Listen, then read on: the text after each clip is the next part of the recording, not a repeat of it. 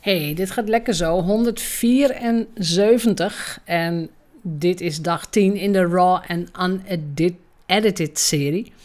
Dat is 10 van 90. De volgende 80 komen er ook nog aan. En vandaag is het een, een hele praktische, om het zo te zeggen. Ehm, het is tweeledig. Ik wil het even hebben over hoe kom je nou in de pers. En, en, nou ja, ja, en hoe kom je in de pers? Daar zijn experts voor. Maar hoe bereid jij je voor op het feit dat je dan ineens op de radio komt of dat je op de televisie komt? Hoe ga je dat voorbereiden? Welke mindset heb je daarbij nodig? Want wat mij opvalt, ik werk heel veel met kennisprofessionals, hè, met echte experts. En dat, en dan, het meeste is, de meeste zijn vrouwen, hè, maar dat heel veel vrouwen het nog steeds heel eng vinden en heel spannend vinden om hun plekje te pakken als het gaat om een plekje aan de tafel bij de talkshow of in een radioprogramma of waar dan ook. En dat heeft natuurlijk weer te maken met die diep gewortelde angst die wij, nou ja, als je het wil weten, luister naar aflevering 173. Maar de angst die we hebben om ons uit te spreken, om zichtbaar te zijn, om, om gewoon als expert te boek te staan. En om je spreektijd te pakken. Op het moment dat je in een panel zit met, met drie mannen en je zit als enige vrouw, nou, dan heb je een taaie klus om ertussen te komen. Want die mannen praten gewoon door. Dus het is goed om je voor te bereiden. Dat ten eerste. Op waar gaat het over en hoe zorg ik dat ik mijn tijd pak? Hoe zorg ik dat ik gehoord word? En hoe zorg ik dat ik ook hè, dat ik weet, waar, ik weet waar ik het over heb, maar dat ik dat ook voel. En dat ik niet ga denken: oh ja, maar andere mensen hebben er meer verstand van. En al vanaf het moment dat mijn eerste boek uitkwam in 2011, ben ik echt heel regelmatig gevraagd om op de radio, dus landelijke radio en ook op landelijke tv te komen. En ik vind het een avontuur, ik vind het leuk. Ik vind het ook niet eng. Weet je, het moet natuurlijk gaan over een onderwerp wat mij aanspreekt. Het gaat over een onderwerp waar ik verstand van heb. Anders doe ik het niet. Weet je, ik, ik, ik, ik hoef niet op de tv om te vertellen hoe je een cake gaat bakken of zo. Dat niet. Maar ik vind dat leuk. Ik heb het ook niet als spannend ervaren. Dat gezegd hebbende, ik heb natuurlijk in de jaren daarvoor al heel veel op grote podia gestaan. Dat was ik gewend.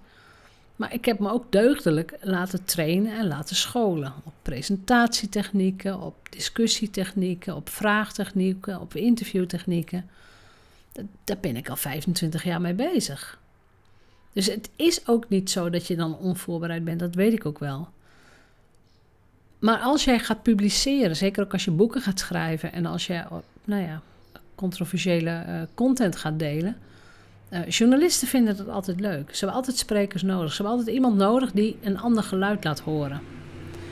En als je dat doet, wees je dan ook gewoon voorbereid op het feit dat ze je gaan vragen. Nou, in dit geval uh, werd ik um, in juni 2021 ik werd gebeld door een redacteur redacteur die dan overdag op eh, het kantoor zit en gasten gaat bellen. En dit, ging, of dit gaat over de ontwikkeling van um, Facebook, Facebook-pagina's in dit geval, die straks jou de mogelijkheid geven om de podcast, als je die hebt, om jouw podcast automatisch door te laten plaatsen via Facebook, via een RSS-feed. Eigenlijk, het is helemaal niet zo'n hele spannende optie. En um, er werd mij gevraagd om te vertellen, wat vind ik daar nou van? Hè? Dus wat, wat vind ik van die ontwikkeling? En in dit geval heb ik nagedacht, ja, ik ben geen Facebook-expert. Nee, dat wil ik ook niet zijn. Maar ik ben wel marketeer en ik heb een podcast. En het distribueren van de podcast vind ik wel een bijzonder belangrijk onderwerp. Dus vandaar dat ik ja heb gezegd tegen dit, uh, dit gesprekje. En ik heb me natuurlijk ook ingelezen, dus ik heb laatste ontwikkelingen gelezen, de artikelen van Facebook zelf hierover gelezen.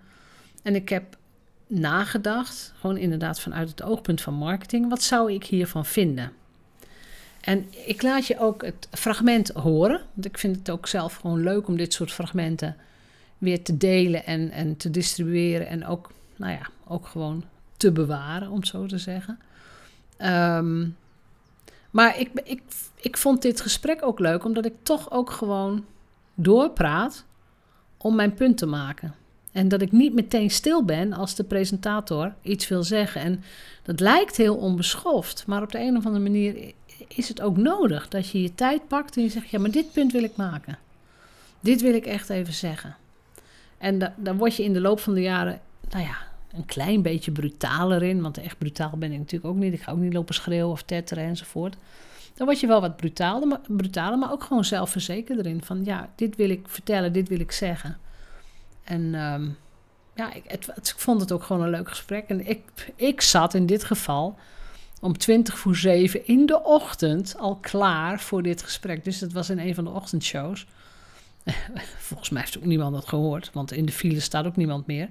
Maar dat maakt niet uit. Ik ben uh, inderdaad weer bij BNR geweest. Ik ben ook wel eens op de redactie geweest in Amsterdam. En uh, ik, ik vind dat leuk. Ik, ik hou daarvan. Dus ik laat het je met genoegen horen. Ons is uh, mastermind expert en acteur Jeannette Badhoorn. Goedemorgen.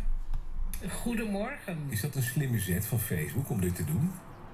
Nee, het is een heel voorspelbare zet van Facebook. Ja. Want alles wat succesvol is, willen ze op het platform hebben. Ja. Dus dat proberen ze altijd. Mm -hmm.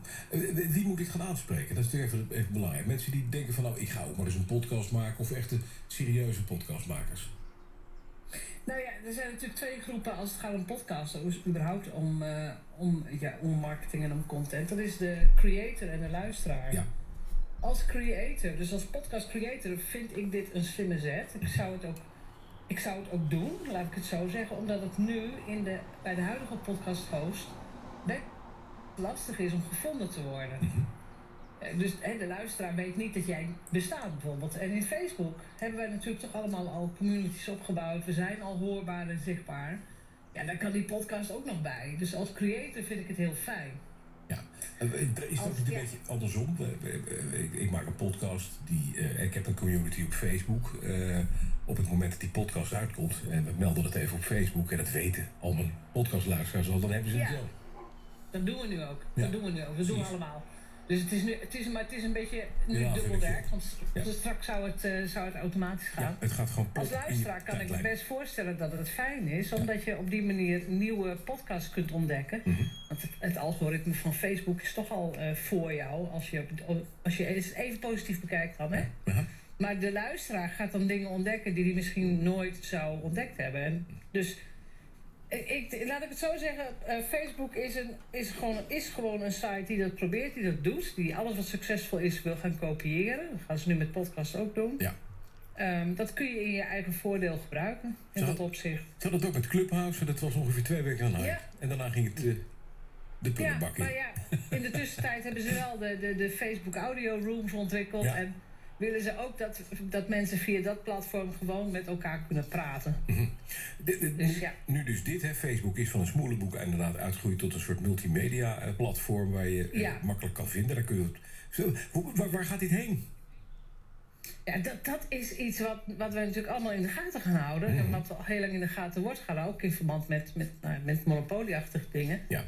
Ehm, eh, op dit moment, als, als on, en dan praat ik even vanuit online ondernemerschap, maar als online ondernemer is het al heel erg moeilijk om je bedrijf te runnen zonder Facebook. Want er Mhm. zitten gewoon fantastische features in die jij kunt gebruiken als ondernemer. Ja.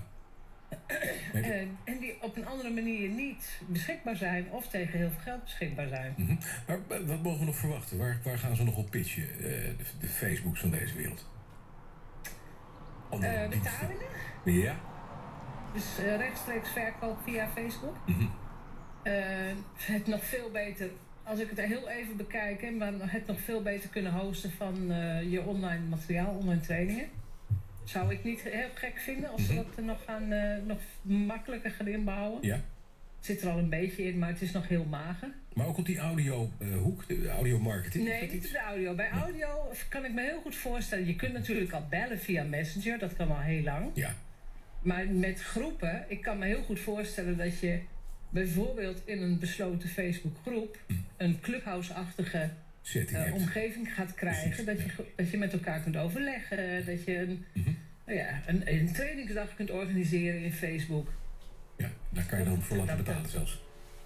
En, en precies, en dat is een Ja. functie waar de, eh, waar de klant jou voor gaat betalen. Ja. Duidelijk. Dank. Mastermind expert en acteur Jeannette Badhoorn. De op- En dan moet ik ook wel lachen, want volgens mij noemt hij mij acteur. En ik had tegen de redactie gezegd: auteur, auteur van de boeken. Ehm, ja, dit, dit soort dingen. Kijk, als ondernemer, het is heel simpel. En simpel. Dat geldt voor jou ook, geldt voor mij ook. in eerste instantie ben je altijd marketeer. Jij, jij, jij hebt de verplichting om nou ja, jouw diensten onder de aandacht te brengen van de markt, van de mensen, van jouw klanten. Dus we zijn allemaal marketeer. En dat is ook de reden dat ik dit soort ontwikkelingen wel altijd in de gaten houd. En ik hou ook wel van de nieuwe snufjes en van nieuwe dingen enzovoort. Het zit er gewoon in. Maar ik kijk wel altijd met de bril van... hey, wat zou me dit kunnen brengen? En kan ik mijn bedrijf dan makkelijker runnen, ja of nee? Dus vandaar dat ik hier uh, gewoon aan mee heb gedaan, mee heb gewerkt enzovoort. En um, ja, ik wil jou ook stimuleren om, om hier open voor te staan. Dus sta open voor persvragen. En zorg dat je een goed verhaal hebt, dat je goed voorbereidt.